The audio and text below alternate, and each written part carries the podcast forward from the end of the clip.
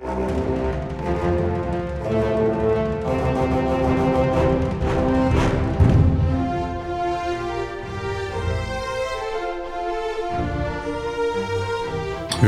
til Frankrike forklart, en podkast der du får svar på alt du lurer på om Frankrike.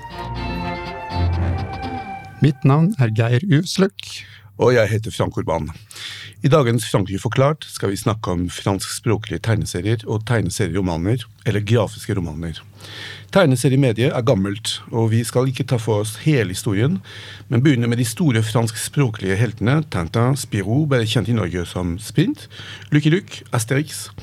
Hvorfor ble franskspråklige tegne tegneserier verdenskjent?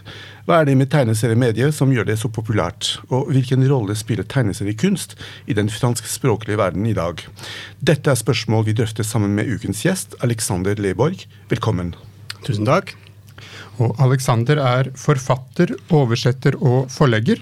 Han har bl.a. skrevet boken 'På vandring uten esel i sevennene', en sekulær pilegrimsferd inspirert av Robert Louis Stevensons uh, bok 'På vandring med et esel i sevennene', som Alexander har oversatt til norsk. Han har i det hele tatt oversatt en lang rekke bøker, særlig sakprosa, men også mye franskspråklig tegneseriekunst. Uh, Bl.a. 'Skyttergravskrigen' og 'Jeg, René Tardy, krigsfange i Stalag 2B' av Jacques Tardy og 'Fremtidens araber' av uh, Riyad Satouf. Og som forlaget i Minuskel har han også gitt ut mange franskspråklige tegneserier, som bl.a. 'Blå er den varmeste fargen' av Jules Marot, som er oversatt til norsk av Christina Revold. Alexander, litt generelt før vi går nærmere inn på franskspråklig uh, tegneseriekunst. Hva er det som uh, gjør tegneseriemediet så populært, både i tidligere tider og i dag? Og hvordan ble du interessert i tegneserier? Uh, jeg kan jo begynne med det siste. Jeg er født på 70-tallet. Da var tegneserier en av langt færre adspredelseskilder enn det det er i dag. Nå er det jo, har jo ungdommen veldig mye å holde på med, men vi, særlig hvis man var på hytter og sånn, så lå det alltid noen gamle album eh, fra i fjor eller, eller, fra enda eldre som man kunne bla i, og man hadde glemt dem, så man kunne bare lese dem om igjen. Så da begynte det med Donald og Sølvpilen og sånn. Og så, men etter noen år så, så fikk jeg Jeg har en, en, fetter som er noen år eldre. Han ga meg et Tintin, som vi sier på norsk, da, album. Eh, 'Krabben med de gylne klør', en dansk oversettelse. Og da så jeg at det var helt annen, noe helt annet. Det var noe med tempo i fortellingen, noe med alvoret der. Det er jo et menneske som blir drept på ordentlig. Det har man jo aldri sett i de liksom, mer sånn lette tegneseriene. Og selv om Tintin på en måte er en barneserie, så har den noe sånn litt mer voksent over seg. Så det var mitt første møte med liksom seriøs tegneseriekunst. og den Fremdeles så ser jeg på det albumet som, som et slags sånn høydepunkt. Jeg syns det er helt noe nydelig, både plottet og, og, og altså, tegnestilen og alt. Det er sånn veldig, veldig flott. da. Så var, da, ble, da, skjønte jeg at man måtte kunne lete etter andre ting innenfor tegneseriemediet. Um, det var en ting som gjorde stort inntrykk på meg, var at han hadde en del sånne helsider blant annet, i, i albumet. At det brytes opp med en sånn, bare et, et, et, et stillbilde på en måte, hvor ingenting sies. Det bare er en sånn forstørrelse av noe som skjer i scenen, som, som gir hele fortellingen en sånn annen rytme. Sånn, man har tenkt ganske ambisiøst kunstnerisk da, på, på hvordan det skal fremstå. Uh, og etter, så, etterpå så skjønte jeg da jeg begynte å lese mer Tintin, så skjønte jeg at det er jo her vi blir kjent med kaptein Haddock, som jo er den figuren i, for meg som gjør Tintin uh, til det Tintin er. altså det, Han gir temperament og humor og sånn til, til, en serie som ville vært mye flatere uten han. da. Så det er også en sånn, uh, noe jeg tilskriver det albumet. da, at Det er der, han, det er der vi blir kjent med han. pluss at det var Nå er jo den danske Tintin-oversettelsene de danske Tintin-oversettelsene er blitt kjent. og så Kondisører i Norge de kjøper helst i hvert fall mange år gjorde det, de kjøpte helst Tintin på dansk, eh, selv da det fantes på norsk. fordi at uh, Særlig oversettelsen av Captain Haddocks ganske friske språk er liksom veldig godt ivaretatt. da. Så han, han, den, De danske oversetterne har funnet på en del sånn kraftuttrykk som, som, er blitt en del så vidt jeg forstår, er blitt en del av, av liksom det danske språket da, gjennom Captain Haddock. Så det er ganske kult. Ja, så bra. Ja, for det er jo virkelig utrolig kult. Du bare leser det på fransk også, det er ganske oppfinnsomt der òg. Ja, ja, og jeg, nå skal jeg være litt forsiktig ettersom jeg oversetter selv, men, eh, men jeg må innrømme at de gangene jeg har lest Tintin på norsk, så er det akkurat som jeg savner litt av det derre som jeg i hvert fall fikk da, i de danske for lenge siden. Så, men det, jeg skal, skal være forsiktig med, med, å kritisere de norske oversettelsene. Men de danske er i hvert fall helt øh, veldig, veldig gode.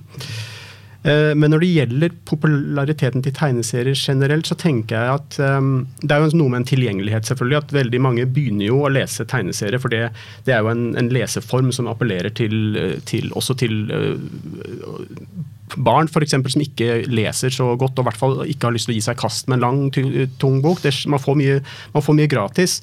Eh, og Det skal man ikke underspille. Det er en veldig viktig inngangsport. og veldig Mange har jo i hvert fall i min generasjon eh, leste mye tegneserier, og så gikk man over til å lese mye bøker. Og så har jeg og noen andre fortsatt å lese tegneserier i mer avanserte sjangere, men, men, det var, for veldig mange også var det jo tegneserier og lettfattelige, eh, lettfattelige tegneserier for barn man begynte med. Da. Og det, det, tenker jeg er en styrke i det mediet, at de faktisk kan eh, rekruttere til lesing. Da.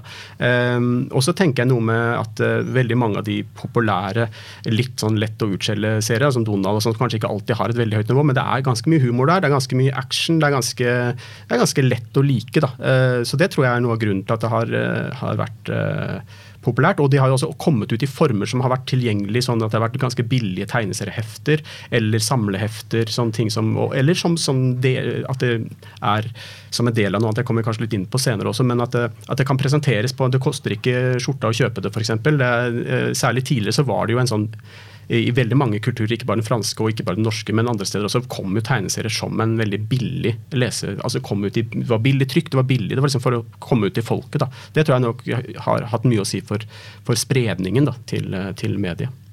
Mm.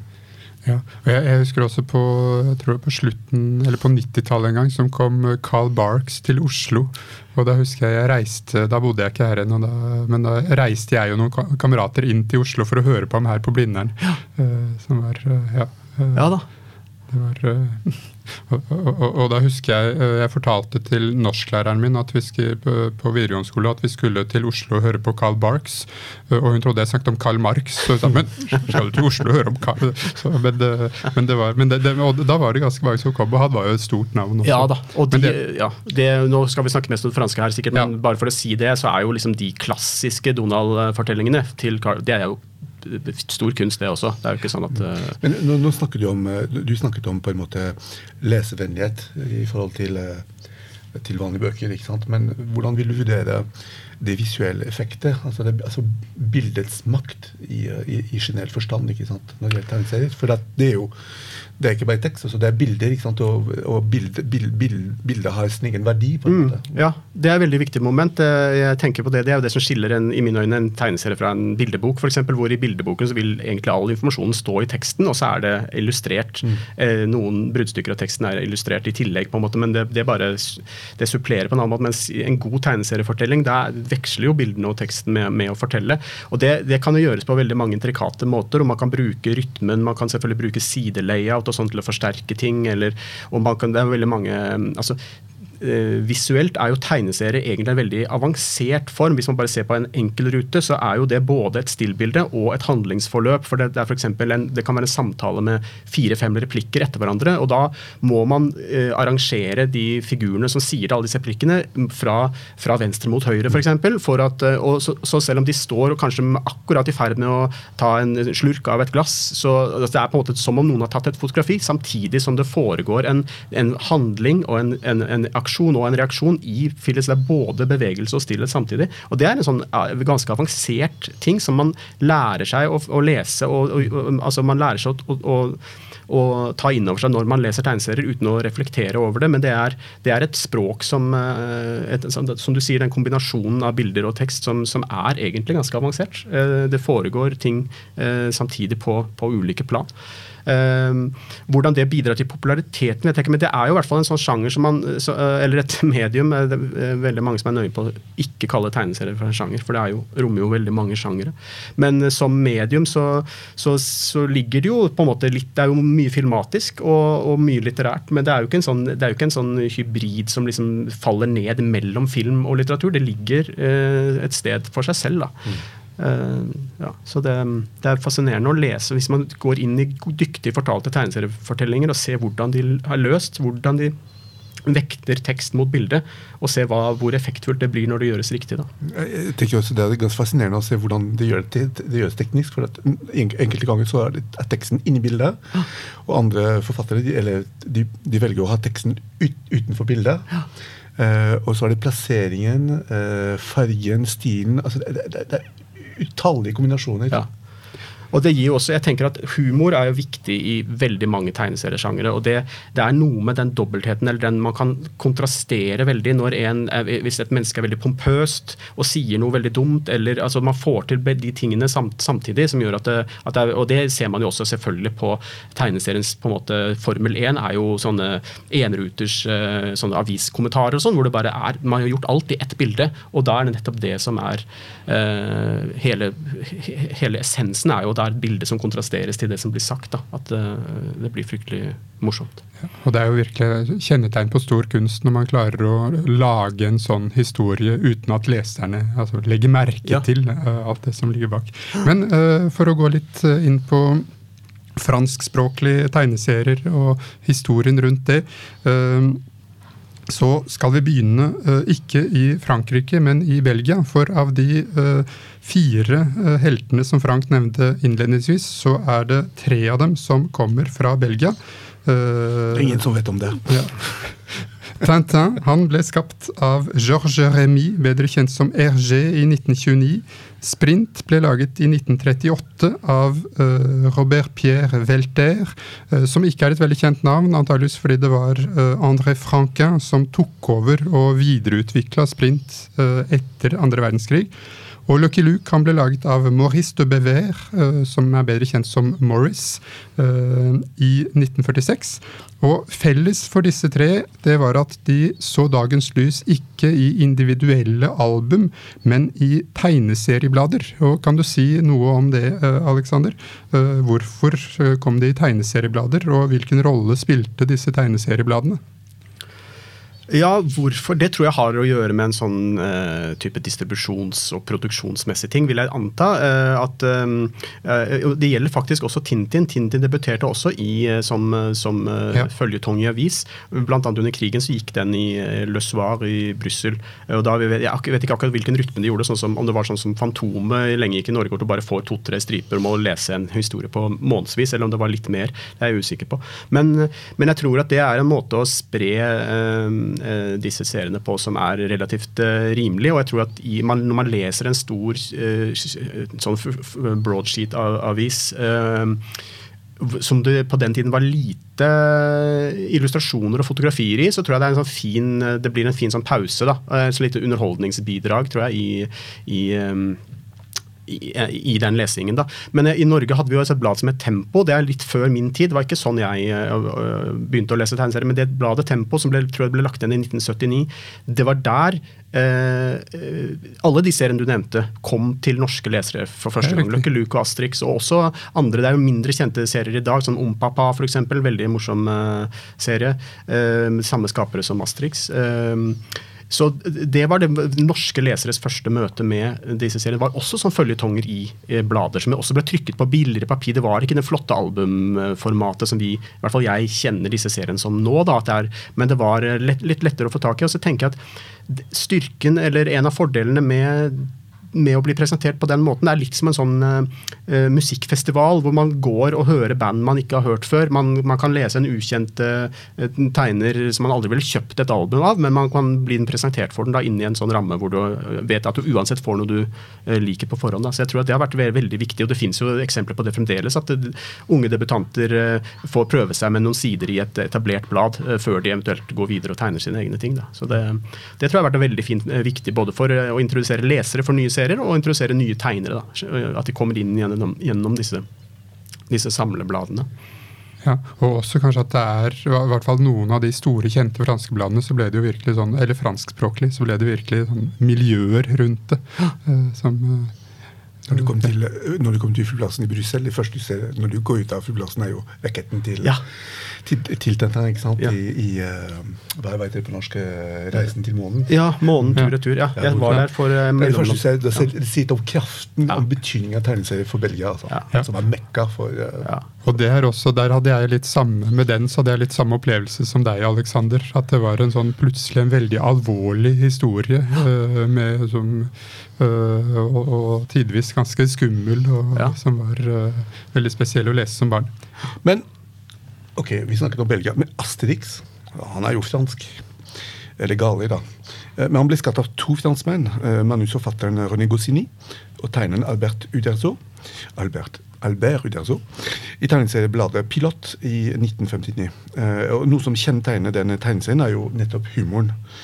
Goscinny er en mester med ordspill. Både han og Uderzo elsker å latterliggjøre både galerne, de romerske soldatene og store histori historiske, historiske helter.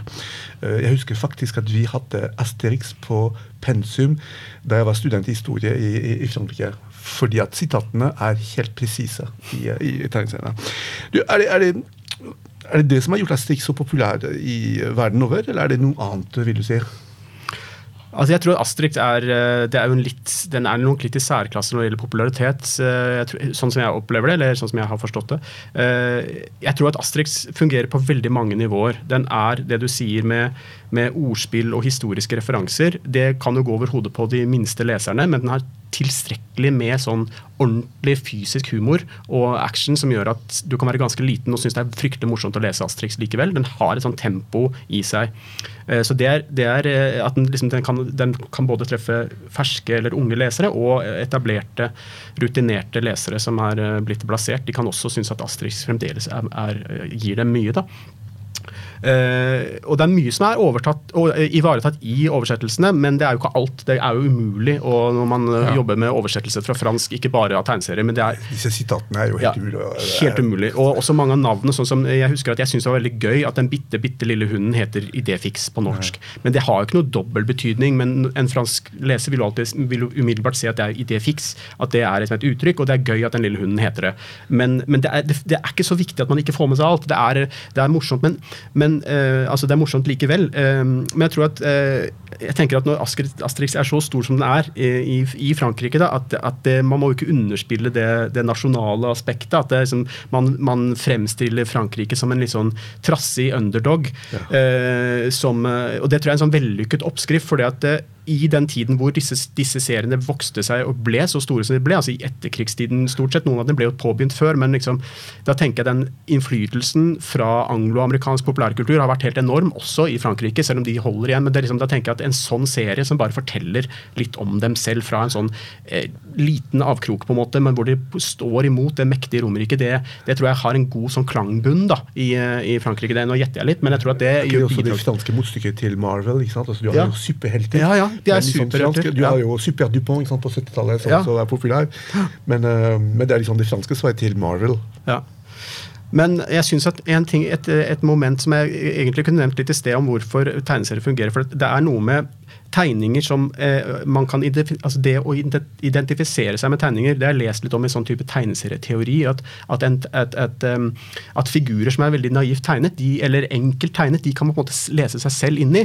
Mens hvis det blir veldig Hvis man ser for eksempel en annen fransk serie som Blueberry, for eksempel, er veldig sånn naturalistisk tegnet. og Det er liksom, det er en fyr, han er ikke meg. Men Tintin kan på en måte være meg, eller Sprint. og Et, paradis, en, et nesten paradoks med de veldig vellykkede fransk-belgiske, fransk eller bare franske da, seriene, eh, syns jeg er at hovedpersonen er egentlig nokså uinteressant. Altså Tintin er ikke en veldig gøyal fyr. eller Tintin er ikke en gøyal fyr.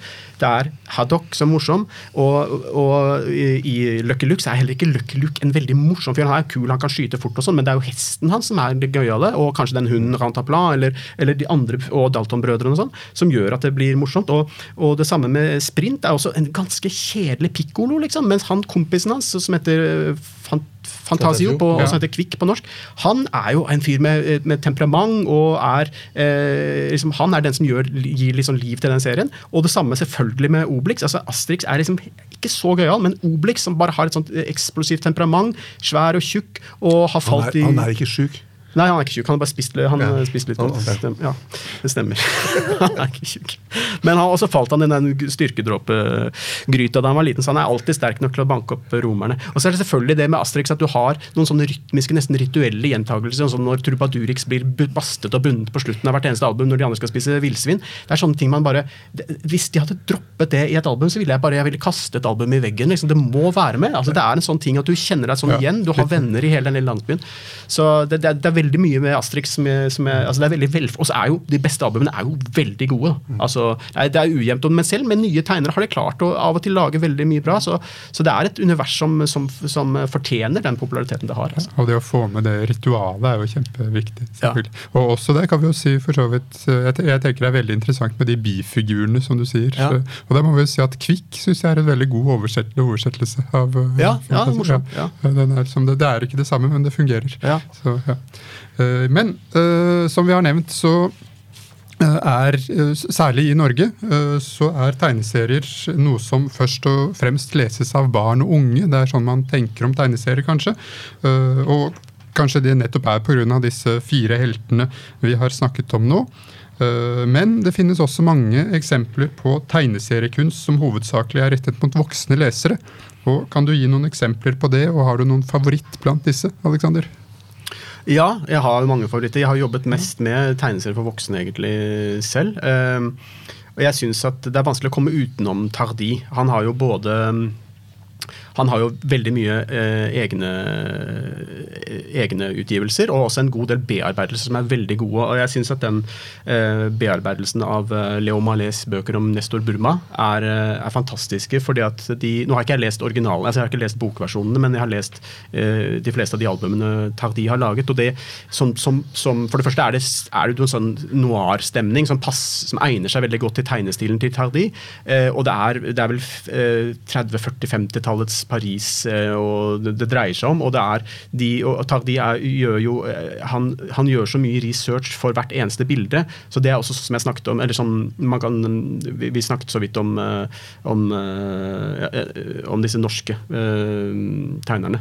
Men altså at det, det å gjøre research sånn at du kan også bruke tegneserier med det som en sånn eh, guide på en måte til hvordan det så ut. Og, og, og disse, disse, disse um, Nestor Burma-albumene de, er jo- de er jo satt til hvert sitt arrondissement, mer eller mindre som et portrett, miniportrett av, av Paris i, i et, en, en gitt tid. Da. Um, så det er en favoritt. eh, Altså, Samme med Le Cru Peuple, ikke sant? Altså om, om Ja, Paris, ja. Paris kommune. Ikke minst. Ja. Vi hadde som anbe- anbefaling en episode om Paris kommune som vi hadde i fjor eller forfjor. Ja. Der nevnte vi disse fire bindene fire, øh, Fem? fem Fire. Fire, Fire bind, Eh, som er helt fantastisk. ja. Det har også kommet en Og ny historisk presise. Ja, Det har kommet en ny sånn luksusutgave nå som eh, jeg har lyst til å få utgitt på norsk. Men det spørs. Det, den er helt fantastisk. den serien. Fins Det- ja. Le Cru på, på norsk? Nei, den fins ikke på norsk, men det har kommet. eh, akkurat kommet en ny fransk. og Tardi har vært med og, og omkomponert litt, så det er et, et stort format. Veldig Folkets skrik, som Ja, er en avis ja. under Paris kommune. Ja. Ja. Ja, den er veldig fin. Helt fantastisk. uh, se- Men Den er også basert på en roman, tror jeg. Ja, men den har jo noe sånn, veldig sånn, sånn historie, fordi, fordi han er så nøye på, på skildringene av disse stedene. Ikke minst, Jeg har bodd litt i Belleville, og, og Belleville på 1870-tallet var jo både et liksom sentrum i eh, Det var i hvert fall mye som skjedde der i Paris-kommunen, men også det var jo en landsby der det er mye altså det er jordbruk og sånn. Det er helt annerledes. Og så har du sånn Paris skyline med en sånn slags liten haug med er veldig helt sånn fantastisk. ja. Og- Eh, Helt klart, han er, virkelig gjør et kjempearbeid. Så det, det, Bare for å presisere det, det du snakket om i stad med den norske tegneserien. det var Før vi begynte opptaket, så snakket vi tre om uh, Krüger og Krog. Uh, som vi absolutt kan gjøre reklame om. Ja, som, ja, ja, absolutt, som er en fantastisk norsk tegneserie som er veldig eh, inspirert av franske Ja, det er det. ikke sant? Den, er jo så, den er jo så Den kunne nesten vært en sånn av disse seriene vi snakket om. For den Ja. sånn stilmessig og, og, og, og kompositorisk er, er så inspirert av det. da. Så ja, jeg glemte meg litt der. Men den, den er verdt å nevne, selv om den ikke Ja. er fransk. Ja, absolutt. Ehm, ja. Nei, men det andre, andre ting som andre forfattere, andre, forfattere, andre på en måte tegneserier som du liker? Ja, det er mye. altså Det er jo, har kommet mye de siste 15-20 årene av sånne halvdokumentariske eller selvbiografiske ting, sånn som f.eks. Persepolis. Mm. Hun, det er jo en fransk serie, selv om hun er iraner. da, Og, og, og jeg syns også at uh, Guy Delisle, som jo strengt tatt er fransk-canadier, men, uh, men, men, han bor i Montpellier, da, så, så han teller vel som franskmann. Men han har også skrevet, han har også skrevet uh, mye gode tegneserier for voksne. Da kom vi litt over i liksom sakprosa. Eh, feltet. Da. Eh, men, eh, men jeg syns at Jeg har også jobbet en del med Corto Maltese, som jo delvis er fransk. Er mye utgivelse historisk. alt er jo delvis fransk. Alt er delvis fransk. Og, og, og, og altså Ugo Pratt han er jo italiensk-engelsk opprinnelig, men han bodde i, over hele verden. og sent i de, de senere albumene eller fortellingene hans kom ut opprinnelig på fransk. og Det er også en serie som på mange måter kan sammenlignes litt med de vi har snakket om, fordi det er mange album etter hverandre. Men i motsetning til alle disse andre, så er det en begynnelse og en slutt. Eh, helten blir eldre og eldre, og han flettes inn i, i historiske hendelser på begynnelsen av forrige århundre på en ganske snedig måte. Og den har også et sånt, eh, også et sånt eh, alvors Enda et hakk over det vi snakket om i sted med Tintin. og sånn. Her er det virkelig sånn liv og død og ekte krig og, og, og historiske skikkelser som flettes inn og ut. Så det er, det er en, en, veldig raffinert og avansert uh, fortelling. Han har jo også hedret hedret med en svær statue i Angolem, den tegneseriebyen i, som har den store tegneseriefestivalen i, i, Frankrike hvert år. og Der, der står, der troner Corto Maltese på, nede ved elven der. Eh, så han er, han er jo en gigant også i, i Frankrike. Jeg leste nettopp en artikkel der jeg fant ut at han hadde vært en viktig inspirasjonskilde for Tardi på Tardi-opptakelsen på, på 70-tallet. Ja. Men vi, vi, snakket før, før, vi begynte å ta opp, og, og du, du, nevnte, nevnte, du, nevnte, det samme som jeg nevnte. det vil si du nevnte Bilal og, eh, og, Möbius. Og, altså, det, altså, altså, er, de, er, de, blant dine favoritter? Bilal, Möbius, Ja, absolutt. Ja, uh, I hvert fall Möbius og, og Bilal. Det er lenge siden jeg har lest dem nå, men da jeg begynte å utdanne meg holdt jeg på å si, i tegneserier, og Vi har jo én butikk her i Oslo hvor de har mye. Tronsmo, selvfølgelig, kjelleren der. og Da jeg oppdaget den og fant den type serier, Eh, så, og gikk videre i der, så, altså fra å ha begynt med særlig med sprint og Lucky Luke og sånn, så, så, leste jeg mye av det. Uh, og det er jo skyhøyt nivå, må jeg si. Ja, og Enki Bilal har jo noen sånne helt fantastiske science fiction uh, uh, dystopiske univers som er virkelig uh, men, men, han fantastisk. var en av de første som begynte å skrive eller tegne, eller si, si hva du vil, men om om uh, på en måte religioners gjenfødsel sant, i politikk. Uh, med de første Partitsjas fra 83-84 helt opp til La Femme Piège sant, på begynnelsen av 90-tallet, hvor du ser på en måte konflikt mellom kroatene, serberne og altså, Han kommer jo derfra. ikke sant, Han har tatt med seg den historien inn i europeisk politikk. Helt fascinerende. Men dette er, jo, dette er jo på en måte Det, finnes, altså, det, er, ikke, det, er, ikke, det er, heller ikke bare fiksjonsfortellinger som, eh, som nå gis ut som tegneserier. Eh, du har også sakprosa som kommer i tegneserieform. Hva kan tegneseriemediet bidra med i en sakprosa-kontekst?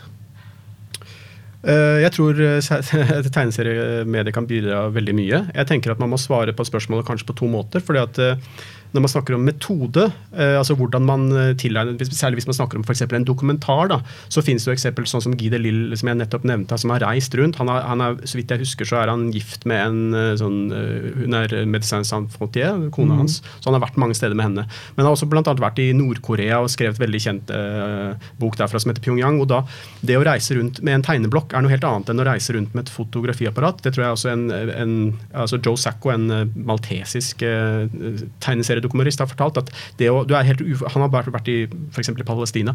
og Det å møte folk med tegneblokk du, det er noe helt annet enn å møte dem med et foto, fotoapparat. Du slipper inn et helt annet sted. Så, er, så Det er liksom, tenker jeg, metoden. At du kan, du kan komme deg på litt annen måte under huden på folk. Men når det gjelder, eh, når det gjelder uttrykket, da, hva du kan bruke mediet til, så tenker jeg at du du kan, sånn som Tardi gjør i f.eks. skyttergravskrigen, eh, du, du, kan ta utgangspunkt i bildematerialet du har tilgang til, men du kan tegne det fra en annen vinkel. Du kan tegne en, en død soldat i en skyttergrav fra Du kan f.eks. tegne det siste han ser før han dør, fra hans, med hans eget blikk. Ting du ikke kan gjøre med et fotoapparat. Eh, og du kan forsterke det på den måten. Og, og når man, hvis man skal holde seg litt til Tardy eh, og skyttergravskrigen, eller den heter C'était la guerre des tranchées på, eh, på fransk, den, eh, den har en sidekomposisjon som er nesten helt statisk. Det er tre store eh, ruter på hver side, eh, nesten gjennom hele boka. Så det er, det er sånn, som, sånn som at fortellingen helt sånn nådeløst bare marsjerer fremover. Og, og, og historiene er episodiske. Man blir kjent med en soldat eller en pårørende, og soldaten blir nesten alltid Han dør i løpet av noen sider. Men det stopper ikke opp. Er ikke, der er det ikke et sånn som, som jeg nevnte i Tinder, en helside hvor du kan dvele litt. Eller, det er bare pff, akkurat samme tempo hele veien gjennom. Som, en- som, som en marsj da, mot døden. Det er sånn Jeg får gåsehud når jeg forteller om det, for det er, så, det er, det er helt bevisst. da, en sånn, Dette er en sånn, dette er historien. Sånn går historien rytmisk videre. Og så faller menneskene av Og, hvert. og kronologisk samtidig. Ja. Så det for eksempel, da tenker jeg at, at, at da er nettopp den bild, rytmen i bildene eh, er eh, med på å, å som gjøre den historien eh, enda sterkere. Da. Eh, så, så det, jeg tror at, Og det ser vi jo eh, stadig. Vet, jeg, jeg, jeg mener jo at de siste årene er det jo innenfor flere sakprosasjangre at vi har sett de mest spennende tegneseriene de seneste årene. da, At det er virkelig et felt som, som utvider seg. også, og Til og med her i Norge så er det, kommer det jo sakprosategneserier som, eh, som eh, når bredt ut. Så det, det er virkelig et, eh, noe jeg tror vi kan, kommer til å se mer av fremover. Spennende uh, sakprosategneserier. Ja, det eh, håper vi absolutt. Håper også at det blir eh, mer av det i, i Norge. Eh, et siste spørsmål. Vi, vi snakket i begynnelsen om disse belgierne. og også i dag så er det mange fremragende franskspråklige tegneserieromaner som ikke bare er laget av franskmenn. Og Minuskel har bl.a. gitt ut 'Aya fra Jopogon' av manusforfatteren Marguerite Aboué fra Côte d'Ivoire og den franske tegneren Clément Aubrerie. Kan du fortelle oss litt om den avslutningsvis? Ja, det var en veldig morsom eh, utgivelse. Det kom opprinnelig seks eh, album på fransk, og nå tror jeg de er i gang med å gjenopplive serien. Men det er altså en, eh, en evoriansk opprinnelig forfatter da, som har flyttet til Paris. og På det tidspunktet var hun i hvert fall gift med Clément Aubry, altså tegneren, men det er jeg ikke sikker på om det er lenger. det kan godt hende det er. Eh, Så han, Tegneren er fransk, og hun har opprinnelse i Elfenbenskysten. Hun har laget en, nesten en såpeopera, en, en lang, lang fortelling. Den er på til sammen 600 sider. Eh, om eh, livet i en slags middelklassemiljø i, i, eh, i Abidjan, altså utenfor Abidjan, i Elfenbenskysten. Og det som er morsomt med det, det er en feelgood-fortelling fra Afrika på begynnelsen av 80-tallet. Eh, altså handlingene handlingen fra begynnelsen av 80-tallet. Det var en periode i, i det landets historie hvor det var, hvor det var relativ velstand. Det var, så det handler ikke om det vi er vant til å lese om om Frankrike. og Det er ikke noe fattigdom. Det er ikke, sånne, det er ikke den type eh, problematikk. Det handler bare om hverdagsproblemer, men satt i en kontekst som vi vanligvis ikke leser. Så, så det var en enorm suksess i Frankrike, og den gikk, har gått veldig bra i Norge. Eh, tror jeg, og Det er også et veldig frodig persongalleri, veldig morsom fortelling som, er, som det er eh, spennende å lese. Og hun har også flettet inn en god del sånn sjargong fra Elfenbenskysten som var vanskelig å gjengi det norske. Eh, få, samme, få den samme flyten, men, men hun bruker en del eh, uttrykk og, og, og noen sånne små markører hele veien som viser at dette, dette språklig er, befinner vi oss heller ikke i Frankrike, men i Elfenbenskysten. og Helt til slutt, Det var Gallimard som ga ut denne serien, eller gir den ut i Frankrike, men de gikk med på å lage en billig versjon som de distribuerte i Elfenbenskysten. Så det ble også en, en, en sjelden suksess, altså en, en, stor suksess i, i Elfenbenskysten, den uh, serien. Så, så det var, var et veldig morsomt eh, prosjekt å jobbe med. Ja, Anbefales absolutt. Dette kunne vi snakke om i mange mange timer, eh, men vi må runde av. Eh, Og på slutten av hver episode ber vi vår gjest om å komme med en fransk eller frankofon anbefaling. Hva er din anbefaling til våre lyttere, Alexander? Det må bli 'Fremtidens araber', eller 'L'Arabe du futur' av Riyad Satouf, som, som har vært en som jeg har vært heldig å jobbe med som oversetter i flere år. og som er fremdeles, Den er fremdeles ikke ferdig. Han holder på å skrive den. Bind fem har kommet av totalt seks. Så det neste bindet skal komme til høsten, sies det. Vi får se. Han er en veldig travel type, Riyad Satouf. Men det er i hvert fall en, kort fortalt en selvbiografisk eh, oppvekstskildring eh, av, skrevet av en, en, forfatter som har syrisk og bretonsk bakgrunn, egentlig. Så det handler stort sett om, om, den dobbeltheten og en del konflikter både innad i familiene og også i de landene, eller spesielt i Syria. Kulturkonflikter. Og, så det er et ganske alvorlig tema. Gjort på en, eh, skrevet i en veldig, eller tegnet i en veldig eh, tilforlatelig og naiv stil, men, eh, men med et sånn, en sånn veldig alvorlig klangbunn. Også, også som gode tegneserier krydret med sånne absurde humorting innimellom, sånn at den, den klarer å ta fatt i et tema både på et personlig og litt mer sånn samfunnsmessig plan eh, på en glimrende måte, samtidig som den eh, er veldig leseverdig og, og morsom. Så det blir min anbefaling. Kjempefint. Geir, har du også en anbefaling? Ja, det har jeg, Frank. Jeg vil anbefale tegneserieadaptasjonen av Joseph Weismanns bok 'Après la rafle', med manus av Arnaud Delalande og tegnet av Laurent Bidot. Joseph Weismann han ble arrestert av franske politimenn som 11-åring 16.07.1942 i den store massearrestasjonen av uh, over 13 000 jøder, der de ble stuet sammen i uh, Le Velodrome d'Hiver, et innendørs idrettsstadion. Uh, før de fleste ble sendt til Auschwitz, der de ble drept. Og uh, Weismann han klarte å flykte, og historien hans er også kjent fra en film som kom i 2010 med tittelen uh, La Rafle, utryddelsen på norsk. Uh, men denne tegneserieadaptasjonen den er altså basert på hans egen bok, hans egen fortelling om denne historien. Tusen takk, det, da må, må vi påpeke en gang til. Gå og les tegneserier. Da gjenstår det bare å takke vår gjest Alexander Leborg. Så høres vi igjen i neste episode av Frankrike forklart. Au revoir. Frankrike forklart er et samarbeid mellom Universitetet i Oslo og Høgskolen i Østfold. Podkasten er støttet av Det norske universitetssenteret i Paris og Institut Francais i Oslo og har full redaksjonell frihet. Abonner på Frankrike forklart på iTunes, Spotify eller på andre plattformer der du lytter til podkast. Har du kommentarer til oss eller forslag til temaer vi bør ta opp, kan du sende inn det via vår Facebook-side Frankrike forklart. Alle dagens referanser ligger på denne Facebook-siden og på nettsiden vår. Vi skriver en kronikk i forbindelse med hver episode som belyser dagens tema fra en litt annen vinkel. Kronikken finner dere på forskning.no, Transitmagasin og på nettsiden vår.